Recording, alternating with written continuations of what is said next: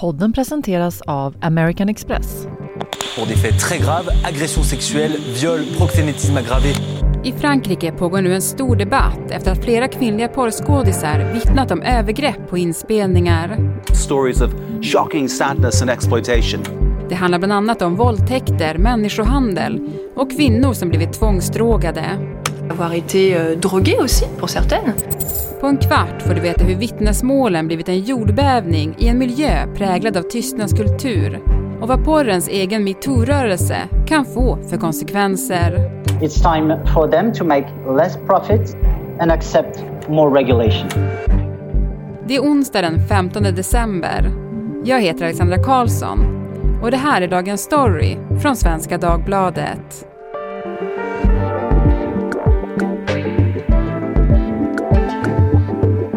Teresa Kirchler, du bevakar Frankrike för Svenska Dagbladet. Och det som händer i Frankrike, kan det beskrivas som porrindustrins metoo? Ja, det kan man nog säga, i alla fall början kanske på porrindustrins eh, metoo. Det som har hänt är att eh, porraktriser har gått till polis och eh, anmält kameramän, producenter och skådespelare inom branschen. En bransch som de kanske tidigare eh, liksom inte har pratat så mycket om. Det är, det är väldigt svårt att hitta kanske kvinnor som vill vara affischnamn för porraktrisers rättigheter eller fackförbund eller riksorganisation. Så det är väl en bransch som är omgärdad av mycket tystnadskultur och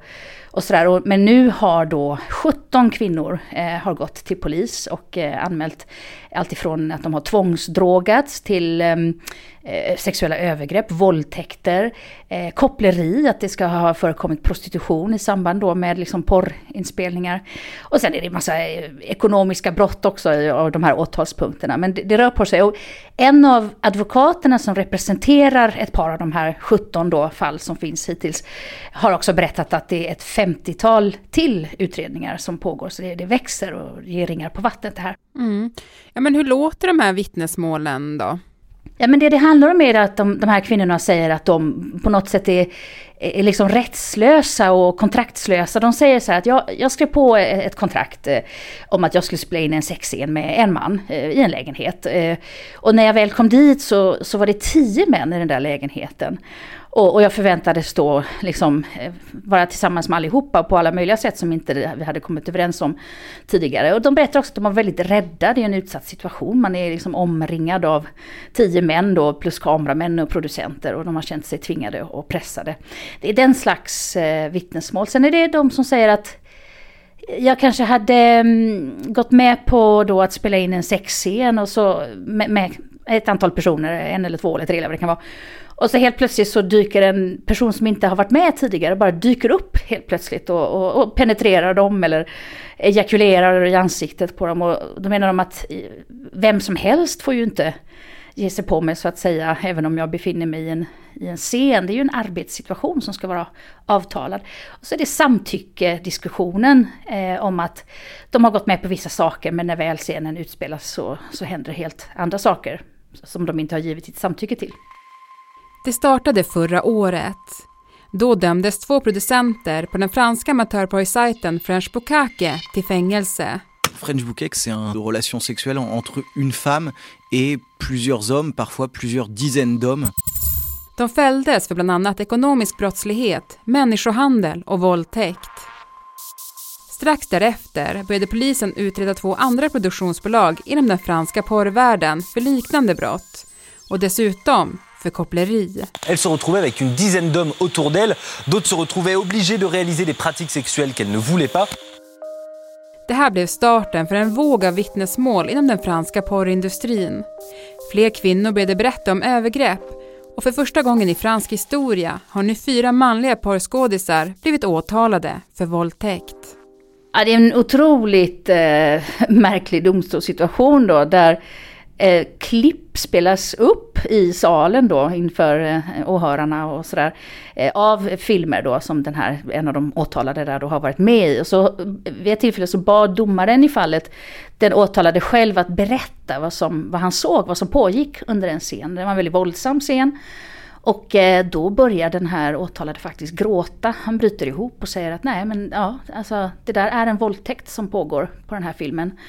Eh, flickans eller tjejens eh, samtycke fanns inte där. Och sen hann han inte säga så mycket mer förrän han liksom började snyfta där i, i åklagar, åtalars, den åtalades bänk. Ja, men med tanke på det då, hur har debatten låtit i Frankrike kring det här? Det här är en jordbävning i en miljö som omgärdas av eh, omerta. Omerta är ju det här gamla ordet som används i italienska maffian. En total eh, tystnadskultur, att ingen säger någonting. Total. Eh, så man säger att man nu, nu har det här omertan brustit liksom. Nu, nu kommer, träder folk fram. Det finns också en sån här eh, tråkig liksom debatt om att just att det är mycket anonyma kvinnor. Det är väldigt svårt att fronta den här rörelsen. Så tyvärr då så förekommer debatten väldigt häftigt och väldigt engagerat bland intellektuella, bland debattörer, eh, politiker, de här som sitter i de klassiska franska panelprogrammen varje, programmen varje kväll och diskuterar. Men det, det, finns liksom inte en Anna, Stina, Kajsa, Johanna som, som träder fram och, och liksom berättar. Det är få som är, står med ansikte och namn. Och det är ju för att det är en, ett stigma att gå ut som porraktivist. Man bemöts ju av eh, liksom, folk som behandlar en som slampor eller horor eller ni får skylla er själva, ni, ni har gett er in i den här leken, då får ni leken tåla. Och det som, det som då många försöker få fram det är liksom att eh, man är ju inte rättslös för att man, alltså har man gått med på att spela in en film mellan 9 och 12 en, en förmiddag, då är man arbetsdagen slut klockan 12. Det betyder ju inte att vem som helst har rätt att göra vad som helst resten av dagen. Det är precis som vilket eh, jobb som helst, om du är sjuksköterska eller lärare eller kassörska. Liksom. Mm. För vad har de här kvinnorna berättat eh, om eh, jag tänker att i alla former av jobb finns det väl någon kontrakt eller något skyddsnät där man liksom sätter ramarna för vad det är man går med på. Och så har det väl varit i de här fallen också tänker jag. Ja men det är precis som jag sa då, det, det, finns de som berättar att de hade ett kontrakt på en viss scen och så blev det något helt annat. Men sen vet man ju också att det är en miljö där det rör sig väldigt mycket svarta pengar och väldigt mycket obefintliga kontrakt om man säger så. Eh, det finns vittnesmål om liksom tjejer som får 300 euro i, i näven och eh, en handskakning och sen så ska de då eh, dyka upp på en inspelningsplats. Och återigen, den här miljön är kanske inte så att man direkt går till sin eh, a-kassehandläggare och säger nu har jag fått ett jobb och eller liksom går till Arbetsförmedlingen och, och, säger nu kan jag skrivas ut för nu har jag fått ett jobb här som porrstjärna. Det är ju, man, man vill inte berätta, det rör sig mycket, mycket svarta pengar i den här miljön. Så att det är liksom en tveeggad eh, situation att man å ena sidan kan prata om kontrakt och rättigheter, å andra sidan så vet ju alla att eh, det där med kontrakt är inte någonting som kanske alltid hålls i den här branschen.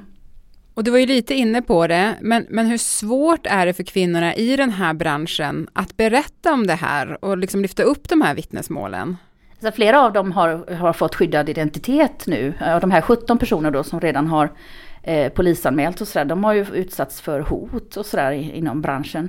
Det är också en bransch där droger flödar och kanske en del ganska ljusskygga typer rör sig också, kan, kan man ju föreställa sig. Så att, så att de har väl väl det kanske inte så lätt då, men jag menar det som, det som händer är att man har öppnat en Pandoras ask liksom, att, att det talas om den här branschen. Det har till och med gått så långt då så att eh, stora produktionsbolag nu inom branschen säger att de ska ta fram en sån här etik och uppförandekod för eh, porr, porr, pornografins värld. Och, Eh, Eh, jag har sett den där koden. Det är ganska självklara saker som att en människas värdighet alltid ska bevaras. Men det är också specifika då paragrafer där det står om samtycke och hur man ska försäkra sig om samtycke.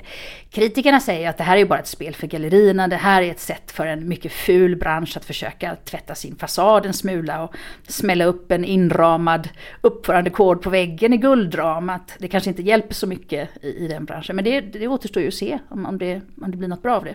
Well, the San Fernando Valley, West Hollywood, Los Angeles, uh, some of the locations where the alleged attack took place. Det är inte bara i Frankrike som vittnesmålen om övergrepp inom porrindustrin hörs just nu. We're talking about attacks that may go back as far as 25 years. I USA står Ron Jeremy åtalad för 34 fall av våldtäkt eller sexuella övergrepp mot 21 kvinnor och flickor. One of the victims as young as 15 years old. Den 68-årige Ron Jeremy är inte vem som helst. Han har beskrivits som porrens kung och har under fyra decennier spelat in över 2000 porrfilmer, vilket gjort att han fått en plats i Guinness rekordbok. Men Ron Jeremy är ju nästan en sån där legend i porrbranschen och han har också gjort sig så berömd så att han också har förekommit i vanliga spelfilmer, alltså Hollywoodfilmer där han då får spela sig själv och är någon slags eh, lustig figur som dyker upp. Och jag minns ju från, alltså jag var ju tonåring i precis i slutet av 80-talet och början av 90-talet, sådär före internet, på den tiden där det är klart att det inte är jag som, man hade ju inte tillgång till pornografi. Någon gång hade någon kanske hittat en snuskig tidning i skogen eller någon hade någon storebror som hade någon VHS-kassett som gick liksom klassen runt på, i nian på högstadiet. Men jag minns ju att det redan då eh, att man hörde hans namn, Ron Jeremys namn, så här, åh vet de att det finns en som heter Ron Jeremy som har liksom legat med alltså, hundratusen kvinnor eller så. Det fanns ett par namn som var sådär stora. Så att jag har ju känt till Ron Jeremy eh, på den tiden han var berömd fast jag aldrig någonsin i hela mitt liv har sett en film med Ron Jeremy. Och han är då åtalad för grova brott, alltså allt ifrån övergrepp till, till regelrätta våldtäkter. Och han är också frihetsberövad så att jag vet inte om det säger någonting om liksom, bevisläget och sådär men han, han är inte ute mot borgen eller sådär. Och då är det kvinnor som har kommit fram och sagt att han har begått övergrepp i branschen i decennier. Och, och det är precis som i Frankrike, att man har liksom lyft ett lock, så här, plopp, och så bara rullar det ut berättelser inifrån branschen. Och precis som i Frankrike så är det då amerikanska kvinnor som berättar både om Ron Jeremys övergrepp kanske mot dem, men även så allmänt. Jag var 20 år gammal, jag var porrstjärna. Vem vem skulle tro på mig om jag gick fram och berättade vad jag hade upplevt på en inspelningsplats eller vad jag hade upplevt eh, hur kollegor i branschen behandlar mig. Det finns eh, ett par kvinnor som har berättat att de kunde liksom gå på, kanske på en sån här porrkongress, du vet, på ljusa dagen eftermiddag och står där med massor med människor och så helt plötsligt så, de kanske har fin klänning på sig och ska promota en film eller någonting. Och så ska de Samtidigt då så kommer en porrskådespelare, en, en manlig kollega och helt plötsligt stoppar fingrarna upp i dem, så här, mitt på ljusan dag framför alla besökare.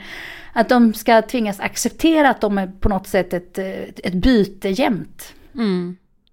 Men det du skriver, det känns ju som en, en enorm rättslöshet. Mm. Nu har vi ju flera rättegångar som pågår och, och den här stora då i USA som kommer börja eh, nästa år. Kan det få konsekvenser för de som jobbar i porrindustrin, tror du? Alltså det är någonting som rör sig i den där branschen, det är någonting som puttrar. Eh, de sista två åren har vi också hört att en av de största sajterna, Pornhub, har tagit ner miljontals klipp från sina sajter därför att man inte har kunnat se om det, om det var våldtäkter som försiggick framför kameran eller om det var ja, spelad pornografi så att säga.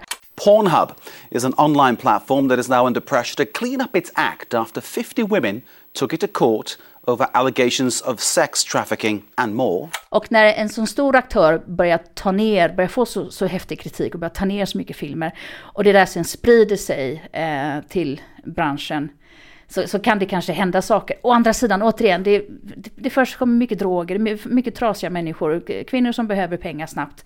Män och, och andra som kan, kan tjäna pengar väldigt snabbt på, på, på att, att spela in film. Det är svårt att se. Och jag tror att bristen på riktiga affischnamn är problematiskt här. Det är väldigt svårt för att identifiera sig med någon för det första, för det är en bransch som är väldigt specifikt. Om det sker ett upplopp, ett upprop, ett metoo-upprop i ett sjukhus, undersköterskor mot eh, tafs. Då kan vi leva oss in i den situationen, men det är kanske svårare för oss att leva oss in i en porrstjärnas inspelningsmiljö.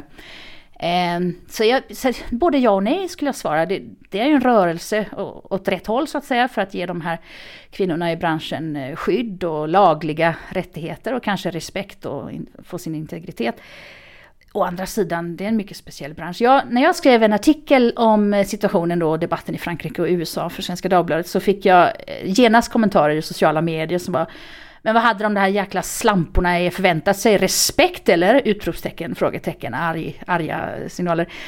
Det är ju den där stämpeln, det är ju den där skolgårdsstämpeln som finns för alla kvinnor som är sexuella eller sysslar med, med sex. Och det, det är ju en, annan, det är en helt annan debatt. Man kan ju diskutera kontrakt eh, hur länge som helst och inspelningsmiljöer och arbetsvardag och fackliga rättigheter. Men sen måste man ju kanske också titta på hur ser vi på kvinnor. Hur ser samhället på kvinnor i den här branschen? Där kanske en mycket, mycket längre väg att gå. Mm. Tack Teresa Kyschler för att du var med i Dagens Story. Tack själv. Venedig, Alperna, Lissabon. Drömmer du också om att resa bort? Med SAS Amex Classic förvandlas dina kortköp till resor och du reser två för en i hela Europa. Ansöker du om SAS Amex Classic nu får du ett presentkort på 2000 kronor till din nästa resa med SAS. För att ta del av förmåner som presentkort och två för en-resan behöver satta villkor uppfyllas. SAS Amex Classic har upp till 55 dagars räntefri kredit. Effektiva räntan är 18,10% vid utnyttjad kredit om 95 000 kronor per år. Den totala kostnaden är 110 021 kronor. Dagens program klipptes av Lasse Edfast. Redaktör var Teresa Stenler von Matern. Och jag heter Alexandra Karlsson. Vill du kontakta oss så mejla till dagensstory.svd.se.